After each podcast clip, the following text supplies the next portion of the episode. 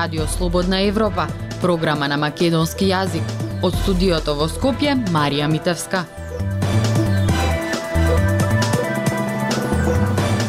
Почитувани гостин во неделното интервју на Радио Слободна Европа е пратеникот и подпредседател на ВМРО ДПМН Александар Николовски. Со него разговараме за активниот бойкот на опозицијата, најавените протести на 18 јуни, барањето за предвремени парламентарни избори, економската криза и аферите кои што ги отвори ВМРО ДПМН. Господине Николовски, дали одржувањето на предвремените парламентарни избори зависи од почетокот или одложувањето на преговорите на Северна Македонија со Европската Унија? Апсолутно мислам дека не зависи предвремените парламентарни избори од почетокот на преговори. Ние сакаме, посекуваме, бараме Македонија да почне преговори со Европската Унија, не заради власта, туку затоа што тоа заслужуваат граѓаните на Македонија. Од друга страна, политичката криза е толку длабока, се посилна станува и економската криза. За жал Македонија се соочува и со национална криза, така што единственото решение се предвремени парламентарни избори, особено после делегитимирањето кое што се случи на власта на минатите локални а, избори, кои што се случи во месец октомври 21 година, така што еве ќе помине година дена од локалните избори, тоа беше доволен временски период да власта на СДСМ и ДУИ покаже дека може поинаку, но не само што не покажа дека може поинаку, туку одати во полоша насока за државата и затоа единственото решение се предвремени парламентарни избори. Ако сакате дури и Македонија да почне преговори со Европската Унија, неспособна влада ќе ги води лошо тие преговори, способна и компетентна влада ќе ги води добро тие преговори. А, дали со активен бојкот на собранието и со најавените протести на 18 јуни ќе обидите власта да оди на предвремени парламентарни избори? Па мислам дека периодот на убедување заврши. Ние имавме месеци во кои што се обидувавме низ политички диалог да ја убедиме власта да одиме на предвремени парламентарни избори. Сега сме доведени во ситуација да мора да ја притиснеме власта на СДСМ и ДУИ да одиме на предвремени избори и затоа ја правиме активната блокада во собранието, а исто така и затоа најавивме голем снароден протестен собир на сите граѓани кои што сакаат да не се приклучат на 18 јуни во Скопје. Јас очекувам десетици, можеби и стотици луѓе да го посетат тој се народен протест на кој што јасно ќе се испрати порака до власта дека мора да се случат промени во Македонија. Но дали е потребно да се прават дополнителни трошоци во ек на економска криза бидејќи изборите чинат пари? Идат изборите се случат, прашање само кога, така што образложението за трошоци за изборите не држи затоа што изборите има.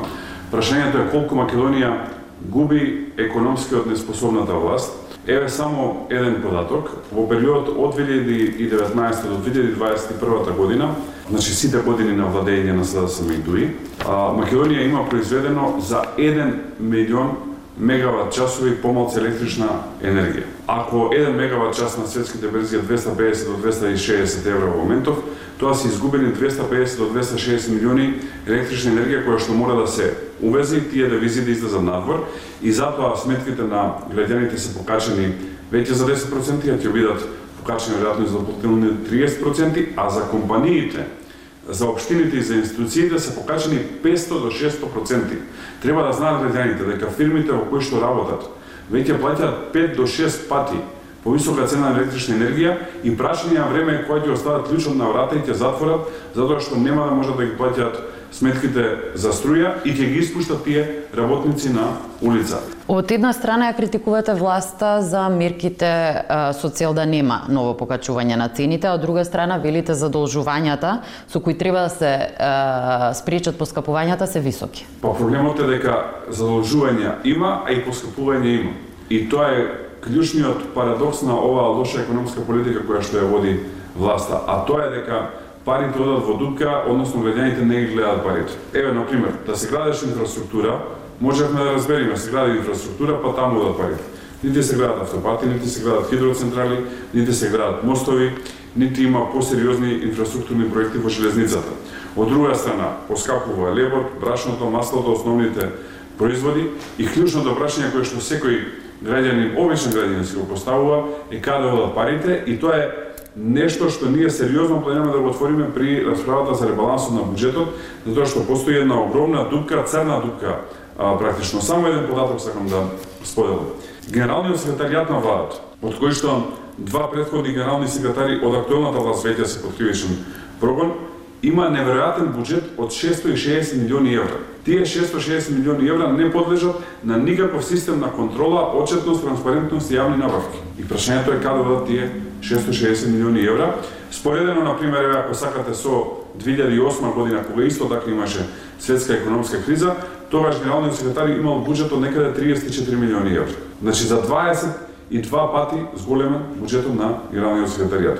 И има многу вакви други теми за кои што веројатно треба цела емисија да да ги отвараме една по една. ВМРО да помене тврди дека ќе ја извлече државата од криза ако дојде на власт, но не кажувате како ќе го направите тоа. Има неколку мерки кои што веќе ги имаме презентирано, секако кога би биле во институциите би можеле да работиме подобро. Прво е намалување на а, враќање на системот на рамен данок и намалување на а, данокот на добивка и на персоналниот данок на 8%, со што Македонија би била држава повторно со најнизок данок во Европа.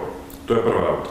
Со работа силен стимул и подршка на домашните инвеститори, низ бескаматни кредитни линии кои што ги подржала државата и сериозни грантови, како и привлекување на странски инвестиции, кои што за жал во овие скоро 6 години владење на СДСМ и ДУИ скоро и да не доаѓаат во државата. И четврто, многу значајно, потикнување на извозот. Сметаме дека Македонија може да е многу компетитивна во услови на светски раст на цени на енергенци, ако Македонија доволно произведува електрична енергија самата, а може, споредено со компетитивната и релативно ефтина работна сила и ресурсите кои што ги обезбедила, може да е многу, многу компетитивна на странските пазари. И секако тука како пета компонента е земјоделието, цената на храната расте, македонските ниви и полини остануваат необработени, силен стимул на земјоделието, како и може да се раздвижи таа гранкова, само пет мерки може да се споменате многу повеќе. Ја споменавте цената на струјата. ВМРО ДПМН тврди дека причината за поскапувањето на струјата е лошото управување со елем и со рек Битола и затоа граѓаните ќе се соочат со 30% повисоки сметки. Но ревизорскиот извештај покажа дека во изминатите 9 години над 42 милиони евра се потрошени на енергетски проекти кои не се завршени и на опрема која што се уште не е во функција кај државните електрани. А, дали а, и ВМРО ДПМН сноси вина за лошото управување? Добре што отворив тоа прашање.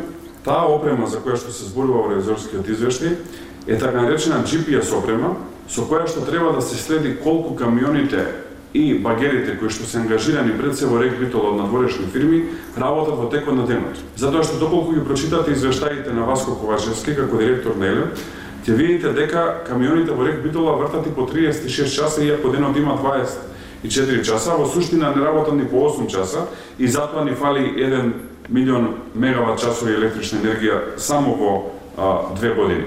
Таа опрема намерно не се инсталира, беше набавена кога заминуваше предходната гарнитура од власт и од Елем, затоа што ќе се види дека таму се прави евидентен криминал. Тоа е прво. Второ, поврзано со ова, никој некако не зборува дека прети понова година компанијата Марковски од Битола на непосредна спогодба во 4 очи доби тендер од 29 милиони евра вкупно. Во историја на држава не се случило на некому во 4 очи да му се дадат 29 милиони евра тендер. Од тоа не гледаме никаков резултат да е потрагична целата ситуација во однос на енергетиката. И клучното прашање кое што сите ние си го поставуваме, е зошто не функционира како што треба рек Битола и рек Осломи. Во Осломи воопшто не се копа јаглен, туку се увезува јаглен, и ако има резерви на јаглен, а во Битола тоа се прави крајно нестручно и крајно криминално. И затоа го повторувам податокот, ова е само за години во кои што СДСМ и ДУИ се на власт, од 19 до 21 година имаат 1 милион мегават часови дупка, тоа се пари кои што граѓаните мора да ги платат за да се увезе електрична енергија Но Дуи беше исто вас на власт. За жал Дуи е многу долго на власт. Тоа е избор, ако сакате, и на граѓаните албанци кои што живеат во Македонија, но мислам дека е време да се случат промени и ние јасно сме кажале дека наш партнер се Алијанс за албанците и БЕСИ и се надеваме дека со нив ќе формираме влада. Да, но тоа значи дека постои шанса да коалицирате со ДУИ, ако е потребно. Доколку е потребно да се обезбеди Бадентерово мнозинство, секако дека ние нема да одиме против волјата на граѓаните, но ние би сакале граѓаните албанци да гласаат за политичките партии Алијанса на албанците и БЕСА, како и може да направиме промената. И по ова што го слушам, еве да бидам и подиректен, мислам дека таа промена се случи бројни граѓани албанци се незадоволни од владењето на ДУИ. Со интерпелацијата на собранискиот спикер Тала Џафери, како што соопштивте, треба да се покаже дали СДСМ се води од демократски капацитети или а, од гола власт. Како очекувате оваа интерпелација да помине, а, кога и за време на ВМРО ДПМН не беше изгласана ниту една интерпелација? Па тоа е добро прашање. Мислам дека доколку помине интерпелацијата на Тала Џафери, веројатно ќе падне и владата и од СДСМ се свесни дека а, практично зависат од дуитие, секој утро и секој вечер се молат дуи да не излезе од владата и да уште некој месец го продолжат политичкиот живот, но на крајот на денот е и прашање на чест затоа што не се случило до сега председател на собрание вака да се однесува во собранието, не може да успоредите со било што а, друго и затоа мислам дека треба да понесе одговорност. Дали ќе имаат храброст да понесе одговорност, тоа е друго прашање. Да, но ВМРО ДПМН не имала капацитет да гласа за некого од својата партија за да помине интерпелацијата. Од своја партија сме разрешувале, а, а ако сакате коалициони исто така сме разрешувале, во однос на председател на собрание ваква ситуација не, не може да се спореди. ВМРО ДПМН во изминатиот период на пресконференција отвори низа афери за како што тврди криминалното работење на власта.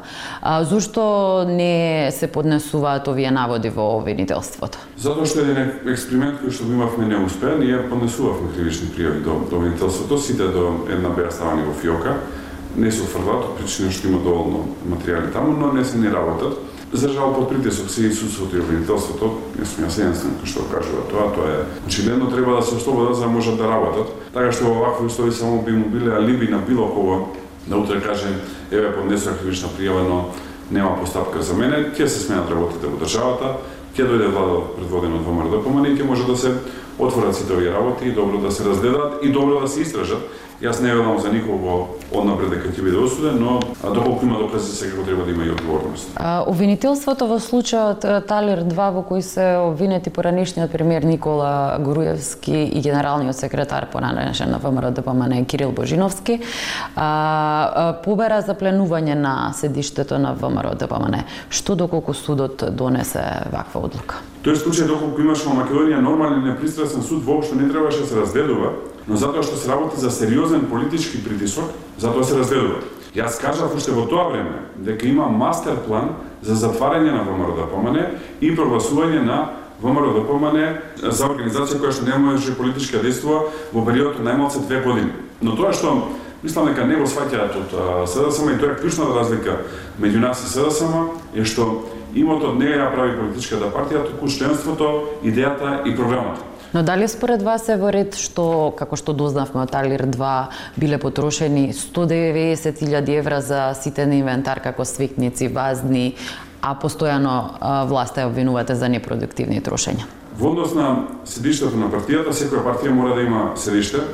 Дали некому тоа му се допаѓа или не, како изгледа е прашање на личен вкус, но одека се работи за исклучиво политички мотивиран случај, кој што се води против партијата, со цел како што кажа партијата да остане без имот. Да, но не ми одговоривте еве дали вие лично ги оправдувате ваквите трошења. Прво, можем за тоа да одговорам, прилично тенденциозно настапува обвинителот, затоа што оди со паушални изјави, без никакво вештачење позади себе, без никаков доказ. Вие ако соберете маси, столици, компјутери, така натака, затоа што не е само седиштето, туку се и 16 штабови на ВМРО да ДПМН, може би сумата ти е поголема од тоа затоа што треба да функционирате. Но ако го кажете како единична сума, секој нормален граѓанин би рекол дека тоа е многу. Многу е лошо кога политички се пристапува во случајот и треба да е свесен и обвинителот кој што го води овој случај, дека и заривот има одговорност заради начинот на кој што постапува, прво води случај надвор од законот, надвор од рокот и со јасна политички мотивирана цел. Го слушавте неделното интервју на Радио Слободна Европа. Од студиото во Скопје со вас беа Марија Митевска и Дејан Балаловски.